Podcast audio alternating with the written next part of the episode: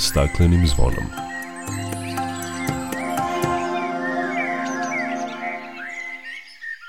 Dobar dan i dobrodošli na Zeleni talas prvog programa radija Radio Televizije Vojvodine. Ja sam Dragana Ratković. U današnjem izdanju emisije govorit ćemo o najavi rešenja za problem vode za piće u Zrenjaninu. Proteklih dana u Novom Sadu, Beogradu i Nišu prijavljeno je neobično ponašanje ptica – Iako nije potvrđen uzrok tome, u Društvu za zaštitu i proučavanje ptica sumnjaju da je reč o virusu zapadnog Nila.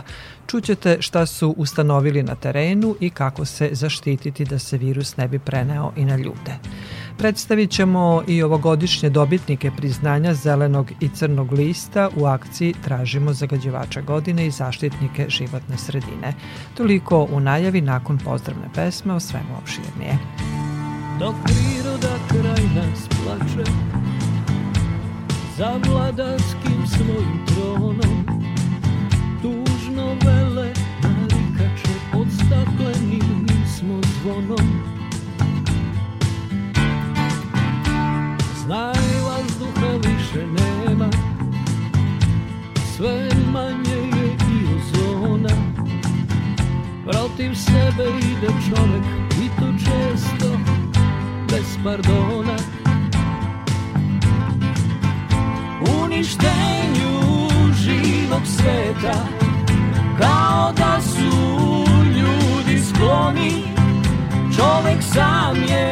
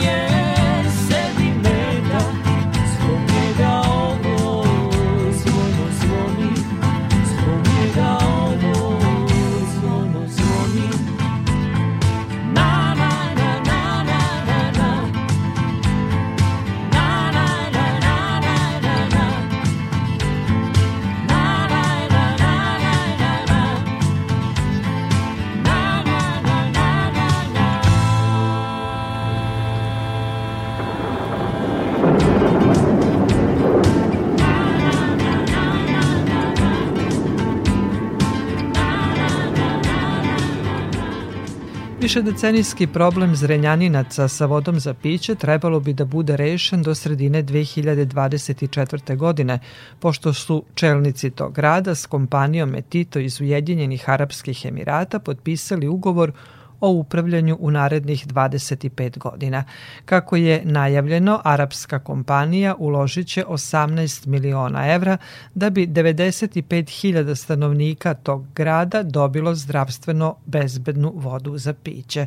Pojedinosti Milijana Kočić. Učinjen je veliki korak u rešavanju višedecenijskog problema u Zrenjaninu, ocenio je gradonačelnik Simo Salapura nakon potpisivanja ugovora, zahvalivši vladi arapskoj kompaniji, učesnicima šestomesečnih pregovora, ali i građanima na strpljenju. koji su nas svojim poverenjem obavezali da rešavamo više decenijske probleme u našem gradu i verujem da sada je ovo jedna istorijska stranica za grad Zrenjanin. Blistav period našeg grada, verujem da će i voda u našem gradu u prvom kvartalu 2024. godine biti bistra i čista kada očekujemo da ni jedan zrenjaninac dakle više ne kupuje flaširanu vodu. Verujem da ćemo kada je u pitanju ovaj projekat napraviti dobru priču za naš grad i da se više Zrenjanin neće spominjati po pitanju zabranjene vode za piće, već po novim investicijama koje nas očekuju po velikim gradilištima, po izgradnji autoputa, što će doneti naravno boljitak svim našim sugrađanima. Metito je postojeće postrojenje otkupio za 3,5 miliona evra putem javno-privatnog partnerstva. Očekuje se da će već početkom sledeće godine Zrenjaninci dobiti tehnički ispravnu vodu, a za nepune dve i vodu za piće, navela je premijerka Ana Brnabić. Kako kaže, učešće vlade u rešavanju tog problema bilo je neophodno, jer je postrojenje bilo u privatnom vlasništvu, te je javno-privatno partnerstvo bilo jedina opcija. Država je, kaže, morala i da uloži 510 miliona dinara u saniranje vodovodne mreže. Koja je u stanju raspada, ako mogu tako da kažem. Više od 10% vodovodnih cevi su i dalje azbestne cevi, to sve moramo da zamenimo, vodovodnu mrežu da saniramo, kako gubici ne bi bili preko 60% koliko su u ovom trenutku gubici u vodovodnoj mreži. Nismo želeli da odustanemo i nismo želeli da jednostavno kažemo da ono što je izgrađeno ostavimo kao spomenik neodgovornosti, nestručnosti, neprofesionalizma, već smo zaista kao što možete da vidite i kao što ste videli kroz čitavu ovu sagu, dali sve od sebe da nađemo, pronađemo u svetu dovoljno stručnog i dovoljno dobrog privatnog partnera koji će preuzeti izgrađenu fabriku, dodatno investirati i obezbediti da zrenjaninci imaju vodu za piće. Premijerka ističe da će ulaganje u poboljšanje kvaliteta vode u Vojvodini biti nastavljena i podsjeća da se već gradi fabrika za prečišćavanje vode u Kikindi.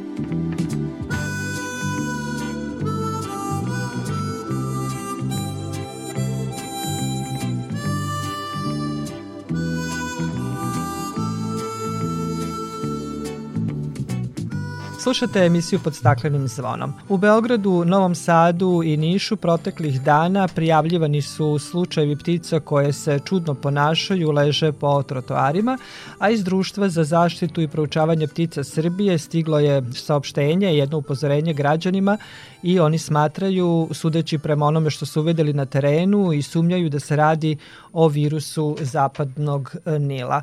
Šta se zapravo dešava na terenu? Tim povodom sa nama Slobodan Knežević iz Društva za zaštitu i proučavanje ptica Srbije. Slobodane, dobrodošli na Talase Radio Novog Sada. Dobar dan. Proteklih dana Društvo za zaštitu i proučavanje ptica Srbije poslalo je jasnu poruku građanima povodom sve češćih prijava da se na trotoarima i raznim mestima nalaze pojedine jedinke sivih vrana i svraka koje ispoljavaju simptome koje su tipične za groznicu zapadnog Nila. O čemu se zapravo radi i šta ste pronašli na terenu?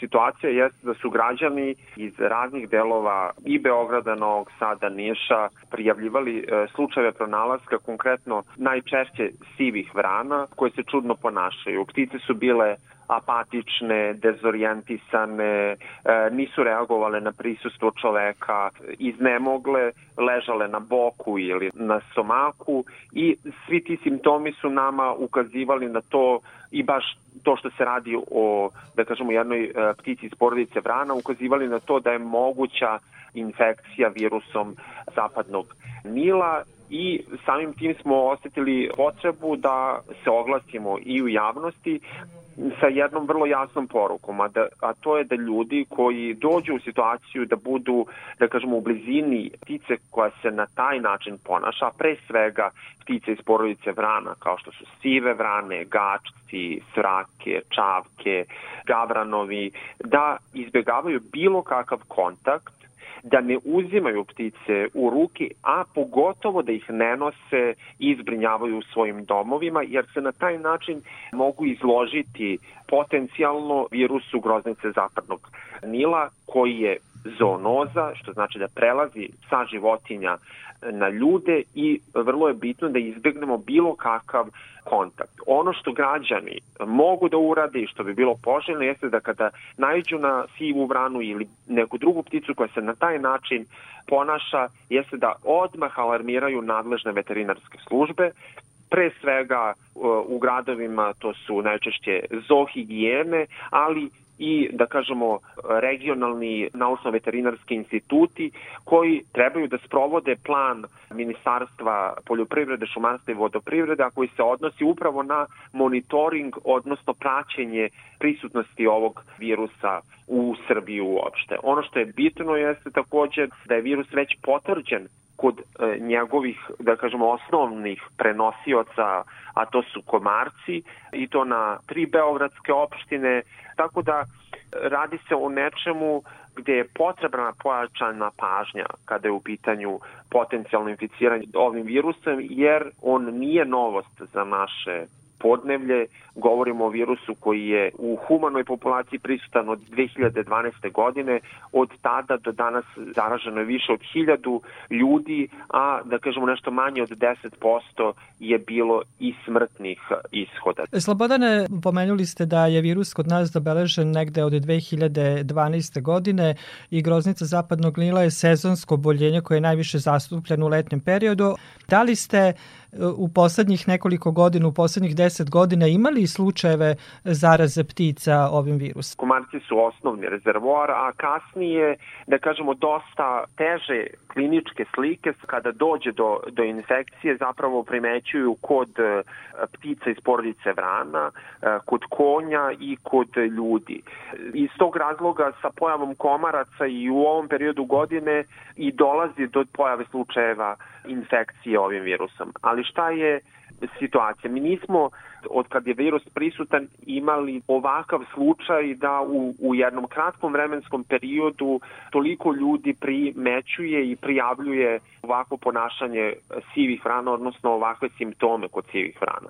Tako da je moguće da je to nešto što zapravo dolazi sa nekim drugim problemima u životnoj sredini, a to su pred svega klimatske promene koje pogoduju komarcima kao insektima koji su rezervoar za ovu bolest. Tako da je to nešto što trebamo, kako ga kažem, ozbiljno shvatiti, pratiti situaciju i prosto davati adekvatne mere.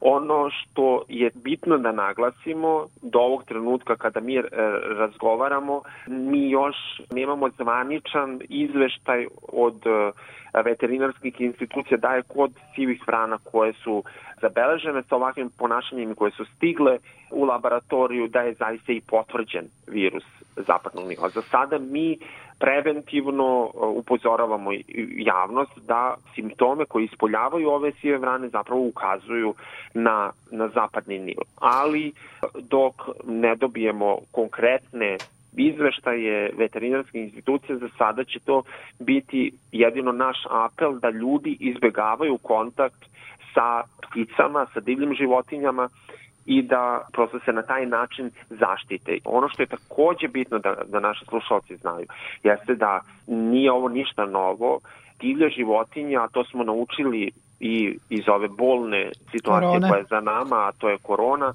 divlje životinje su rezervoari za brojne viruse i to, da kažemo, nije nikakva novina, to nije nešto što je ovaj, trend, da kažemo, ovog doba i ono što je tipično za viruse jeste da i oni kao živi organizmi prosto mutiraju, menjaju svoj oblik, svoje domaćine, tako da to nije ništa novo. Ono što je, je bitno jeste da mi redukujemo svoje ponašanje i da pogotovo kada su ovakve situacije, kada se izda nekakvo upozorenje da, da bi trebalo da promenimo svoje ponašanje, u ovom slučaju je to da ne uzimamo ptice iz prirode i nosimo ih i brinemo o njima.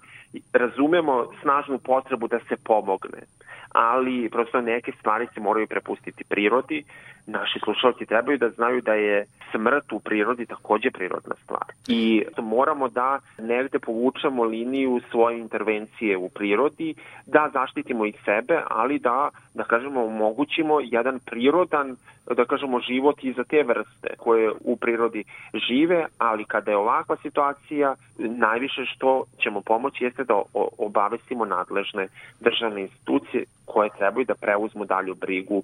Kako kažem, ako nismo vrhunski veterinari i da znamo šta radimo, onda nemojmo se upuštati u nešto za što nemamo, da kažemo, dovoljno znanja. Slobodane, hvala vam lepo na ovim savetima i upozorenjima, jer mislim da slušaoci treba da znaju i molimo sve da ptice sumnjivog zdravstvenog stanja ne uzimaju kod sebe, ne odnose u svoje domove, već da pozovu nadležne službe. Hvala vam lepo za razgovor i učešću u programu Radio Novog Sada.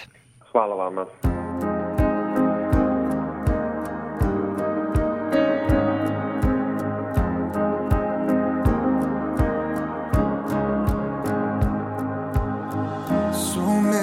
questions the world is reaching.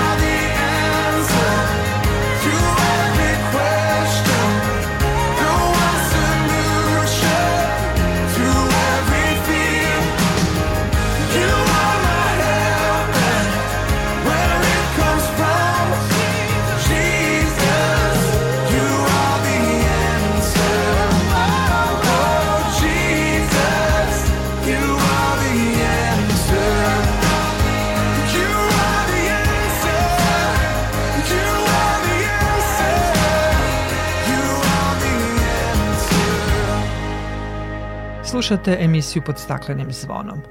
U Ekološkom centru Radulovački u Sremskim Karlovcima dodeljena su priznanja zeleni i crni list u akciji Tražimo zagađivača godine i zaštitnike životne sredine, koju su pre 39 godina pokrenuli Radio Beograd 2 i Društvo za čistoću vazduha u Srbiji. U poslednjih 13 godina partner Radio Beogradu 2 je pokret Gorana Vojvodine.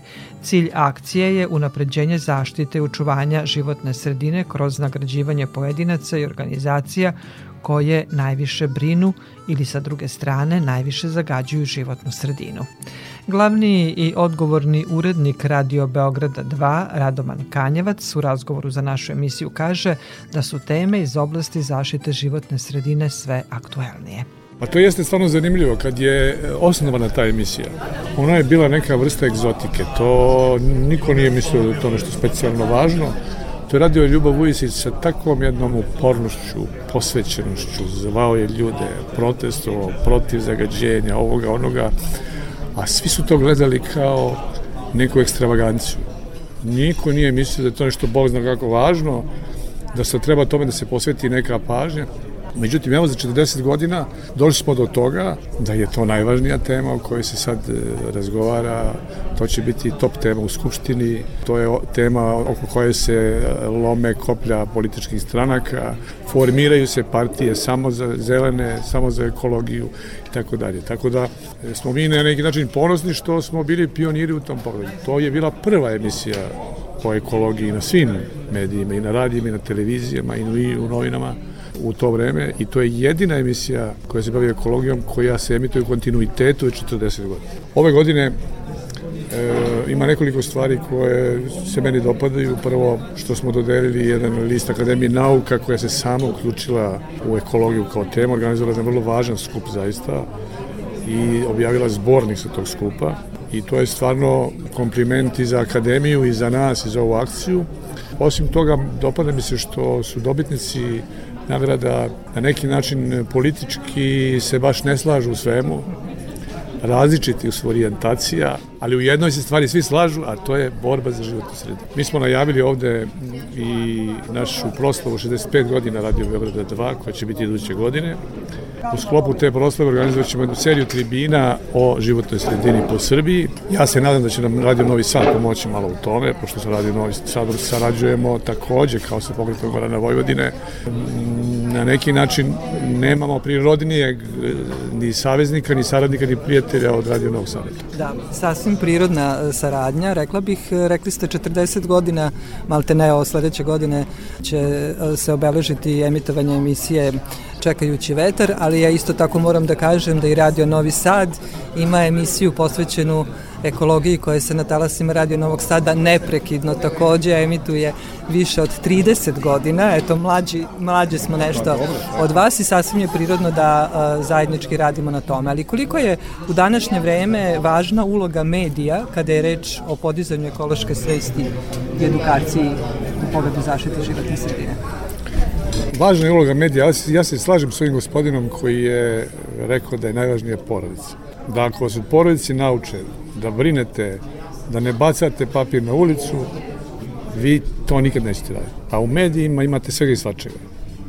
Tako da bojim se da su uticajni ovi mediji koji su antiekološki, nego mi koji se bavimo ekologijom. Uloga medija je nezamenjiva, ali nekako mi se čini da to je porodica najvažnija.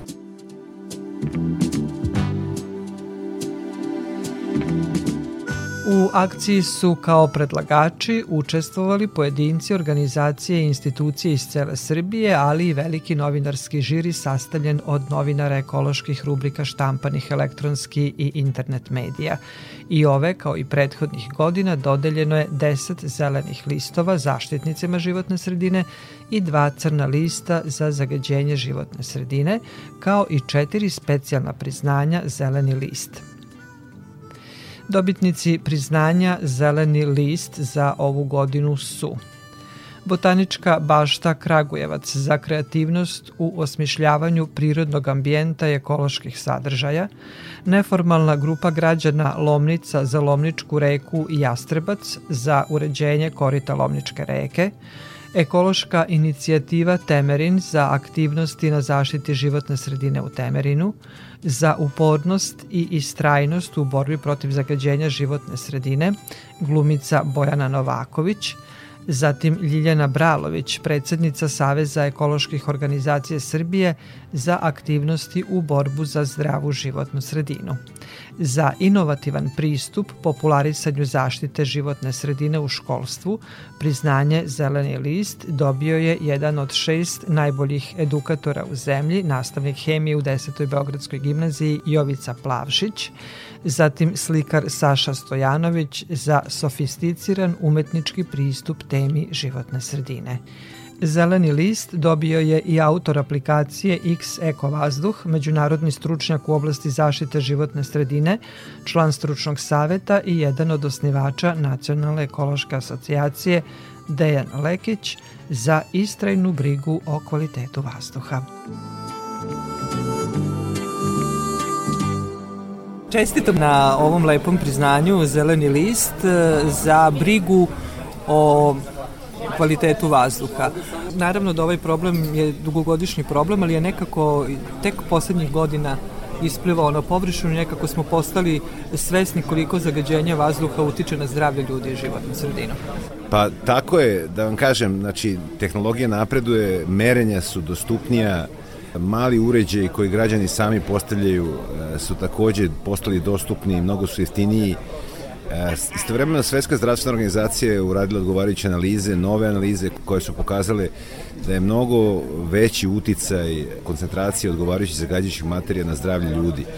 I to su oni izveštaji koji često deluju pompezno, koje mi nalazimo u medijima, da desetine hiljada ili hiljade ljudi u Srbiji e, umiru.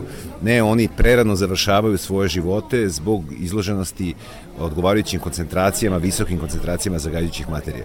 Dakle, ono što sam ja pokušao mojom aplikacijom je zapravo da objedinim sve uređaje koji na neki način vrše monitoring kvaliteta vazduha. U aplikaciji ih trenutno ima preko 400 na nivou Republike Srbije, oko 60 takozvanih državnih kojim upravlja država i ostatak je znači preko 340, oko 350 e, stanica koje su u takozvanom građanskom monitoringu. Aplikacija koju se razvija je jedina aplikacija koja objedinjuje sve te stanice, ove druge koje su mnogo popularnije od moje aplikacije, one nemaju, nijedna od njih nema baš taj ceo komplet, jer nije jednostavno baš e, prikupiti sve te izvore na jedno mesto i moram priznati da sam vrlo iznenađen pozitivnim reakcijama i pozitivnim odzivom, jer su ljudi kreirajući interesovanje za ovu temu, e, počeli da se interesuju i za ono što je u suštini najbitnije, a to je objektivna i pravovremena informacija o kvalitetu vazduha na mestu gde se nalazi. Nekako su građani postali svesniji i traže što više izbora gde mogu da provere te podatke, dakle kakav im je kvalitet vazduha. Tako je, ono što je takođe zanimljivo u mojoj aplikaciji postoji mogućnost praćenja kvaliteta vazduha u odnosu na takozvani evropski indeks kvaliteta vazduha koji je usvojila i koji primenjuje Evropska agencija za životnu sredinu, e, jel da mi znamo da bez e, evropskih integracija zapravo e, cela oblast zaštite životne sredine u Srbiji bi bila na neki način u zapečku jer je tu glavni inicijator zapravo prenos evropskog zakonodavstva u naše i primjena odgovarajućih e, zakonskih rešenja. E, istovremeno moja aplikacija nudi takođe nešto što druge nemaju, a to je poređenje sa graničnim vrednostima propisane domaćim zakonodavstvom. To je takođe zanimljivo, pa tako možemo saznati da su neke od zakonski propisanih graničnih vrednosti trajanja zagađenja ove godine već dramatično prekoračene u nekim gradovima kao što su Valjevo, Novi Pazar i drugi i da će do kraja godine te granične vrednosti još više puta biti prekoračene. E, još jedna zanimljivost, takođe unikatna e, mogućnost u aplikaciji koju sam razvio je mogućnost poređenja sa preporučenim vrednostima Svetske zdravstvene organizacije koje su donete septembra prošle godine i koje drastično još snižavaju te granične vrednosti baš zbog onoga što sam malo pre rekao, a to je e, nedvosmisleno utvrđene veze između koncentracije zagađujućih materija i određenih e, zdravstvenih problema kod građana. Kada govorimo o Vojvodini, često u toku godine nailazimo na podatke da su pojedini gradovi u Vojvodini prekomerno zagađeni. E, leto je sada, kakva je trenutno situacija? Situacija je, trenutno je e, bolje naravno zato što nije grejna sezona, međutim ja sam e, poslednjih... S obzirom na prašinu i druge... Tako je, ali obzirom da je, su vremenski uslovi takvi, dakle da smo imali jedan period dosta visokih temperatura, visokog nivoa vlažnosti, došlo je do značajnog povećanja uticaja saobraćaja pre svega i naravno termoenergijskog sektora koji sve vreme radi. Naime, vi znate da mi skoro sada smo postigli da leti trošimo skoro isto struje kao i zimi, nešto manje, ali e, to je nezabeleženo u, prošlosti zbog korišćenja klima uređaja i došlo je do pojave e, visoke koncentracije prizemnog ozona kome upravo pogoduju. E, on je jedna zagađujuća materija koja nastaje kao proizvod hemijskih reakcija, pre svega, pre svega azotnih oksida i povećane su koncentracije na mnogim mestima, posebno u većim gradovima, gde je tu taj dodatni pik, dodatni vrh tog zagađenja se stvara zapravo od saobraćaja. Tako da je u Vojvodini slično kao i u Srbiji, znači Novom Sadu, u Subotici, Beogradu, većim gradovima, Nišu, došlo do pojave koncentracija prizemnog ozona koje su svrstale vazduh u kategoriju loš. I to se dešava prethodnih desetak dana. Srećem pala ova kiša juče, prekjuče, situacija se malo poboljšala, ali očekujemo sada kada se ponovo vreme stabilizuje tokom celog leta, vrlo verovatno će biti e, dosta slučajeva kada će biti e, i prekoračenje graničnih vrednosti prizemnog ozona. Koliko za vas znači ovo priznanje? Ja ne mogu da vam opišem zadovoljstvo i prosto verujem da sam u godinama ko, koje imam 56 godina, dakle nikad se nisam u životu više obradovao nekom nagradom nego kada su mi sa Radio Beograda javila, Aleksandra mi je javila da sam ja dobitnik nagrade. Ne mogu da, da, da ovaj, nađem reči da iskažem svoje zadovoljstvo, jer ako sam uspeo da na, da na ovaj način budem prepoznat sa nekim svojim radom koji je bio pre svega pro bono. Znači, to je došlo do ljudi, to je bio i moj cilj.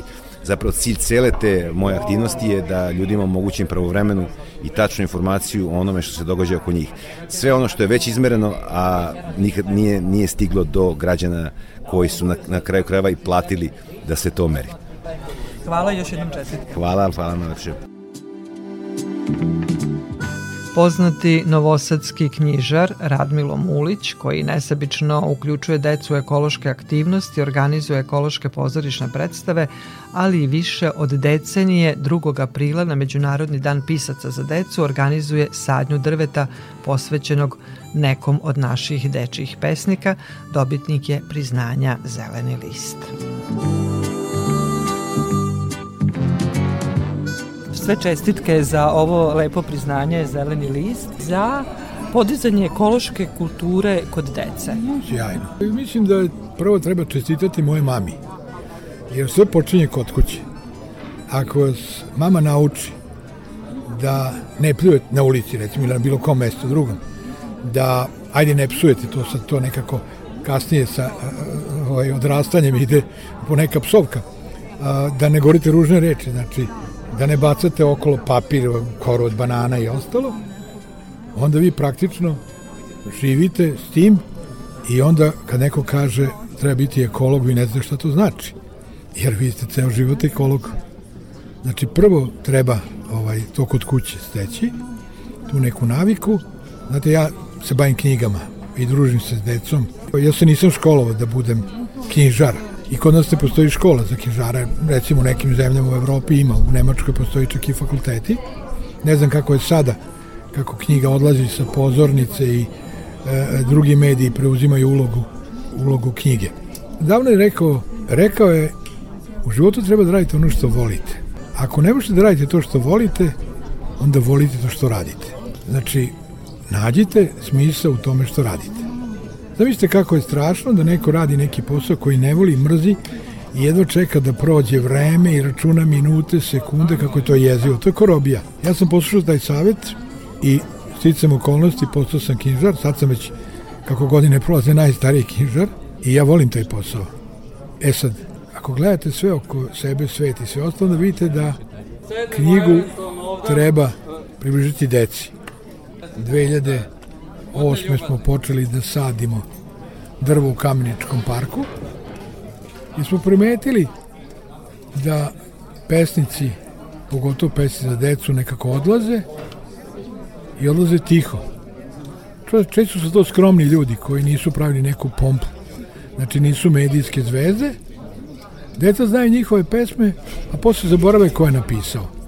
E mi smo hteli da podsjetimo decu na te pisce koji su koji su pisali za decu, tako smo počeli. Znači, počeli smo sa, znate kime, vašim kolegom, koji je bio urednik dramskog programa Radio Novog Sada, Pavle Janković Šole. On je bio prvi, on je 2008. dobio svoj platan u Kameničkom parku. Dosta je muke. Hoćete da budete ekolog, hoćete pazite, vi možete da posečete drvo i u Kameničkom parku i na drugom mestu, ali da posadite ne možete. To je komplikovano. Tako da ove godine smo sadili za jednog vašeg kolegu koji je bio urednik dramskog programa. Ja ga znam još iz studentskih dana, on je bio u indeksu saradnik vrlo duhovit čovek, ali i dobar pesnik. On je napisao, ja ne znam koliko, sigurno 20 knjiga, što pesama, što njegovih aforizama. To je Anđelko Erdeljanin.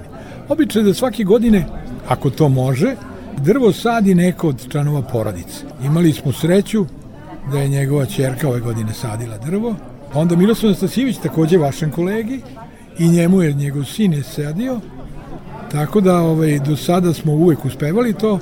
Mislim da ćemo iduće godine, ovo dajem vama tajnu, nikom nisam rekao, saditi čoveku koji je bio jedno vreme urednik Nevena, to je Rale Nišavić. Nekako, da li posledica ove korone i ostalo, mnogo ljudi ih je otišlo i ne znam kako ćemo stići da posadimo svakom drvom. Ali nećemo nikog da zaboravimo. Imena su različita, neki put je to pisac i pesnik koji je poznat širom naše zemlje i šire, jel da? A neki put je to pisac i pesnik koji je obeležio našu sredinu, znate, i njih ne treba zaboraviti. I to je, e, imamo želju da objavimo knjigu, da će biti bar po jedna pesma od svakog od tih kojima smo sadili drvo, ali to ne zavisi od nas, znate. Ako budemo uspjeli da uvezimo neka sredstva, desilo se da su neka drveta posečena, neko je očupao, polomio, nije vodio računa, ali mi dalje istrajavamo, sadimo drvo, sva ta drveta koje nedostaje mi ćemo ponovo posaditi. Da, hvala vam za ovu lepu akciju i divno priznanje koje ste dobili. Pa ja to ima da stavim iznad, iznad, u spavaću sobi iznad kreveta. Čestitam još jednom. Hvala, hvala. hvala.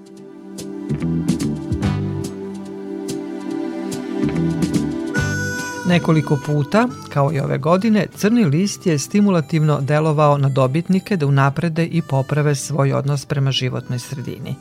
Skupština opštine Prijepolje je prošle godine zbog nesanitarne deponije ogromnih razmera na obali reke Lim upozorena dodelom crnog lista. Deponija je nakon toga uređena i ove godine za svoje napore oni su dobili zeleni list. Priznanje je primila Merima Mekušić koja u opštini Prijepolje je zadužena za poslove zaštite životne sredine. Nadam se da će iduće godine neko od dobitnika crnog lista biti dobitnik zelenog lista kao što smo mi ove godine. Zbog neodgovornog odnosa prema životnoj sredini, Crni list dobilo je javno preduzeće Elektroprivreda Srbije i zbog ugrožavanja životne sredine u Surdulici, fabrika kamene vune Knauf Inulation Surdulica. Sick and tired of being sick and tired Had as much of you as I can take I'm so done, so over being afraid I've gone through the motions, I've been back and forth. I know that you're thinking you've heard this before. I don't know how to say it, so I'm just gonna say it. Yeah. Fear you don't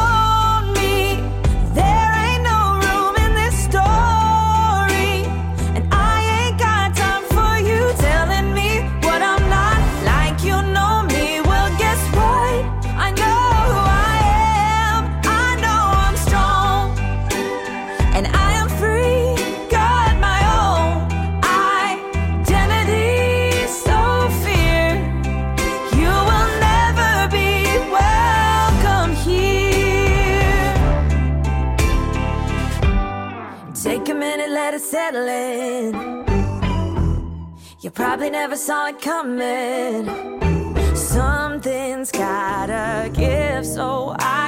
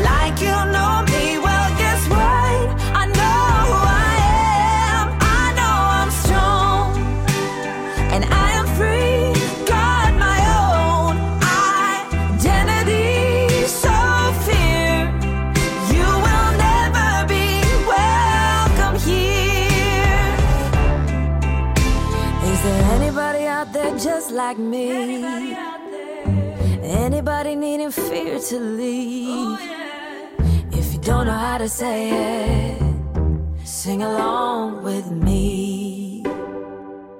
Sing fear you don't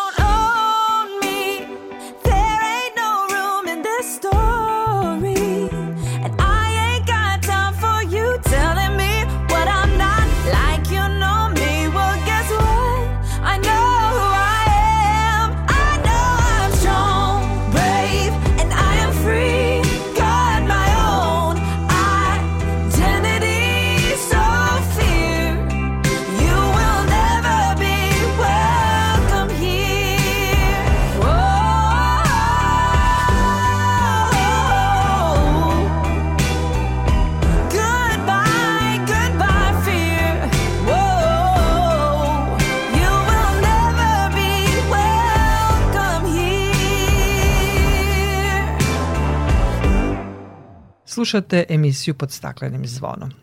I u nastavku emisije govorimo o ovogodišnjim dobitnicima priznanja u akciji Tražimo zagađivača godine i zaštitnike životne sredine.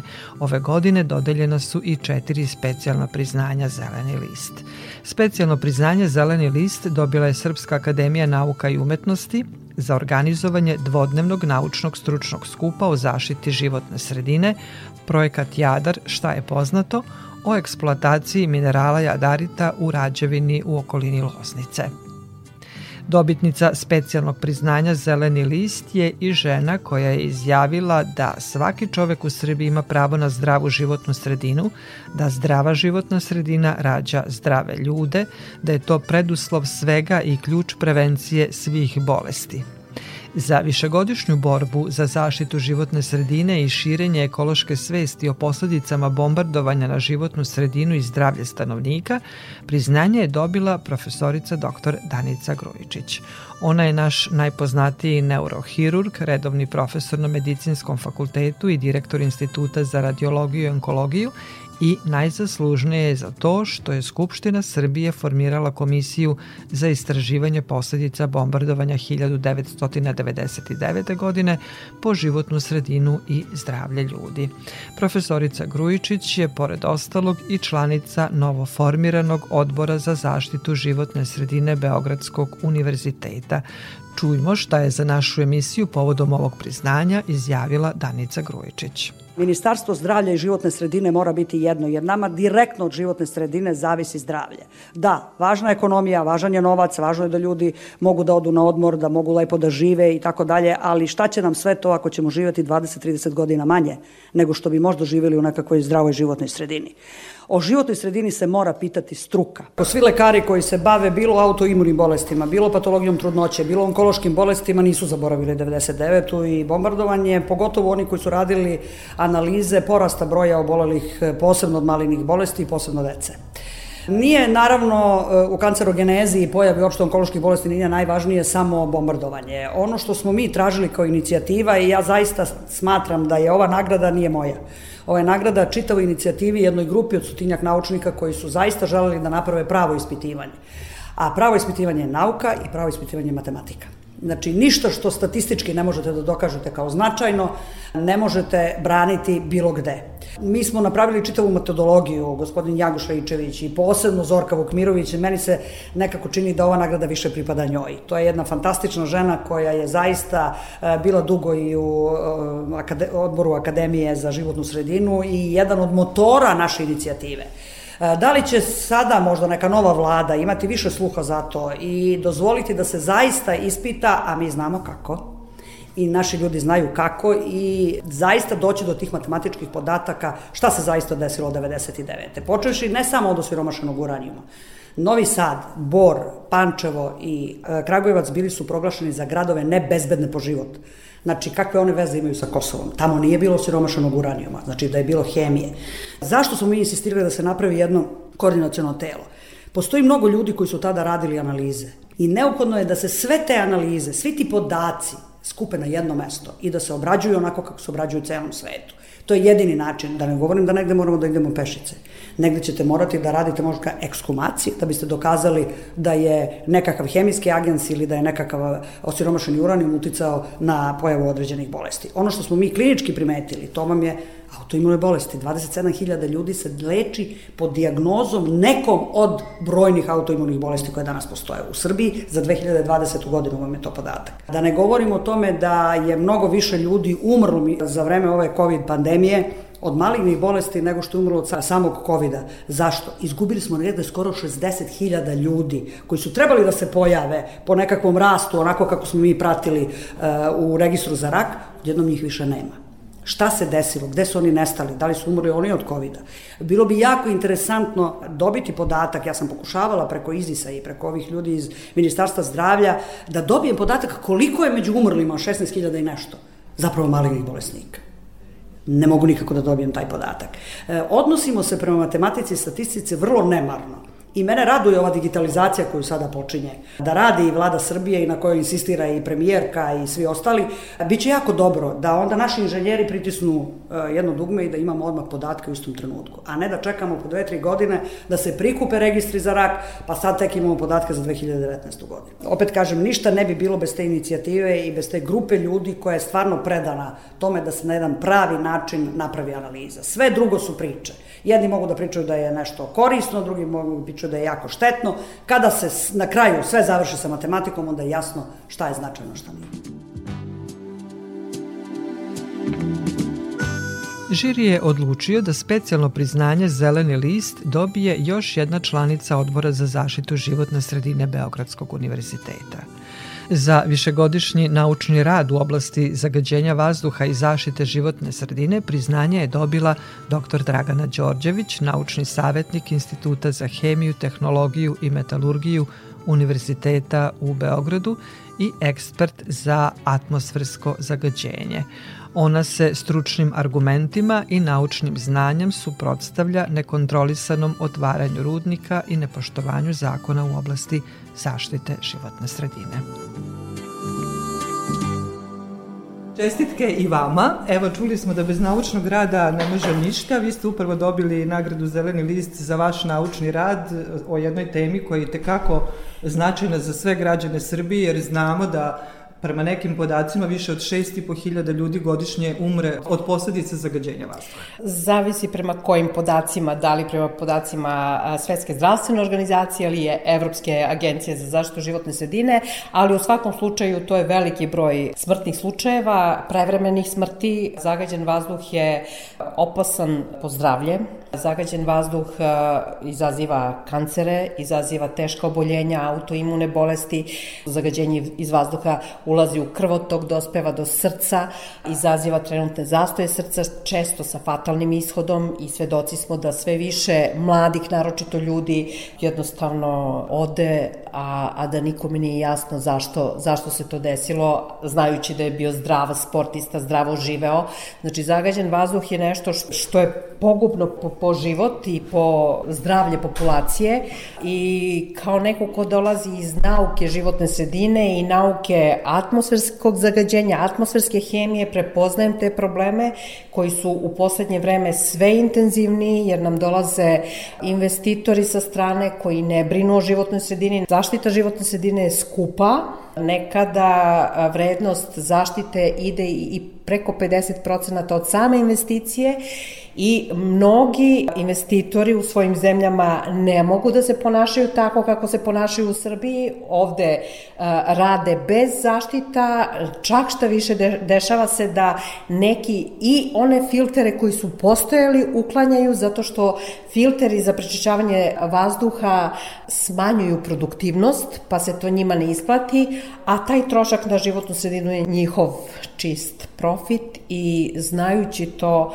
digla sam glas i ovo kao što je i profesor Danica Grujičić rekla nije samo moja zasluga, ovo je zasluga svih nas koji smo digli glas, eto ja sam imala privilegiju da prepoznam probleme, ali postoji mnogo svesnih ljudi u Srbiji koji su to shvatili, koji su se pridružili i smatram da ne smemo da odustanemo i ova nagrada nas obavezuje da moramo da nastavimo borbu za jednu bolju Srbiju, za čistiju Srbiju. I ATP turnir Srbija Open dobitnik je specijalnog priznanja Zeleni list za ekološku akciju Jedna karta, jedno drvo. Priznanje je primio asistent direktora turnira Srbija Open Vojin Pušica. Odlučili smo ove godine da se, da kažem, odreknemo profita od prodaje karata i da za svaku kupljenu kartu, prosek karata bi između 800 i 1000 i po dinara, da za svaku kupljenu kartu doniramo jednu sadnicu i to podržamo kompletnu logistiku sadnja, nabavka, održavanje i uz pomoć lokalnih samouprava smo uspeli u svakom gradu, a bilo ih je 15 gradova u Srbiji, da posadimo 19.050 sadnica platana i da oni nas da ih održavaju. A na jesen očekujemo još 21.000 sadnicu koju ćemo posaditi u tim i dodatnim gradovima, tako da zaokružimo cifru 40.000 posađenih sadnica u Srbiji, čime ćemo doprineti uštedi od oko milion tona ugljen dioksida, odnosno emisije ugljen dioksida u našu hemisferu. Među tim gradovima imaju, neki su i u Vojvodini? Naravno, tu nam je Zrenjanin, tu nam je Novi Sad, Tako da gledali smo da napravimo diversifikaciju, da počnemo od gradova kojima je to potrebno i koji jednostavno to žele. Naprimer, Zrenjanin je pošumljen samo 6%. I u skladu sa svim nedaćama koje imaju kako od vode, tako od zagađenja vazduha, 3.500 stabala smo donirali njima, a opština instalirala sistem kap po kap i nastaviće to održavaju. Tako da planiramo da nastavimo da pošumljamo i ostale gradove u Vojvodini. Hvala najlepše, još jednom čestitke. Hvala. Čuli ste ko su dobitnici priznanja Zeleni i Crni list za ovu godinu u akciji Tražimo zagađivača i zaštitnike životne sredine. Svim dobitnicama još jednom čestitamo. Toliko za ovo izdanje emisije pod staklenim zvonom koju možete slušati i odloženo na podcastu Radio Televizije Vojvodine na adresi rtv.rs. Na pažnji vam zahvaljuju Damjan Šaš, Zoran Gajinov i Dragana Ratković. Sledeći susret zakazujemo za sedam dana u isto vreme na zelenom talasu prvog programa radija Radio Televizije Vojvodine.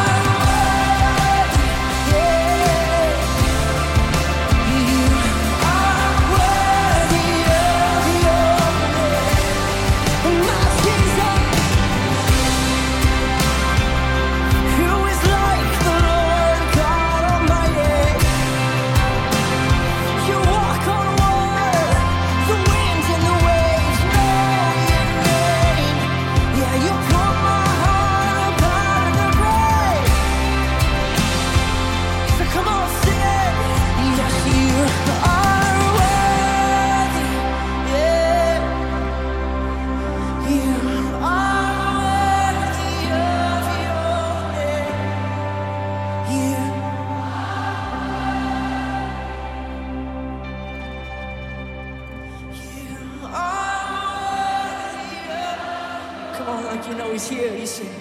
You are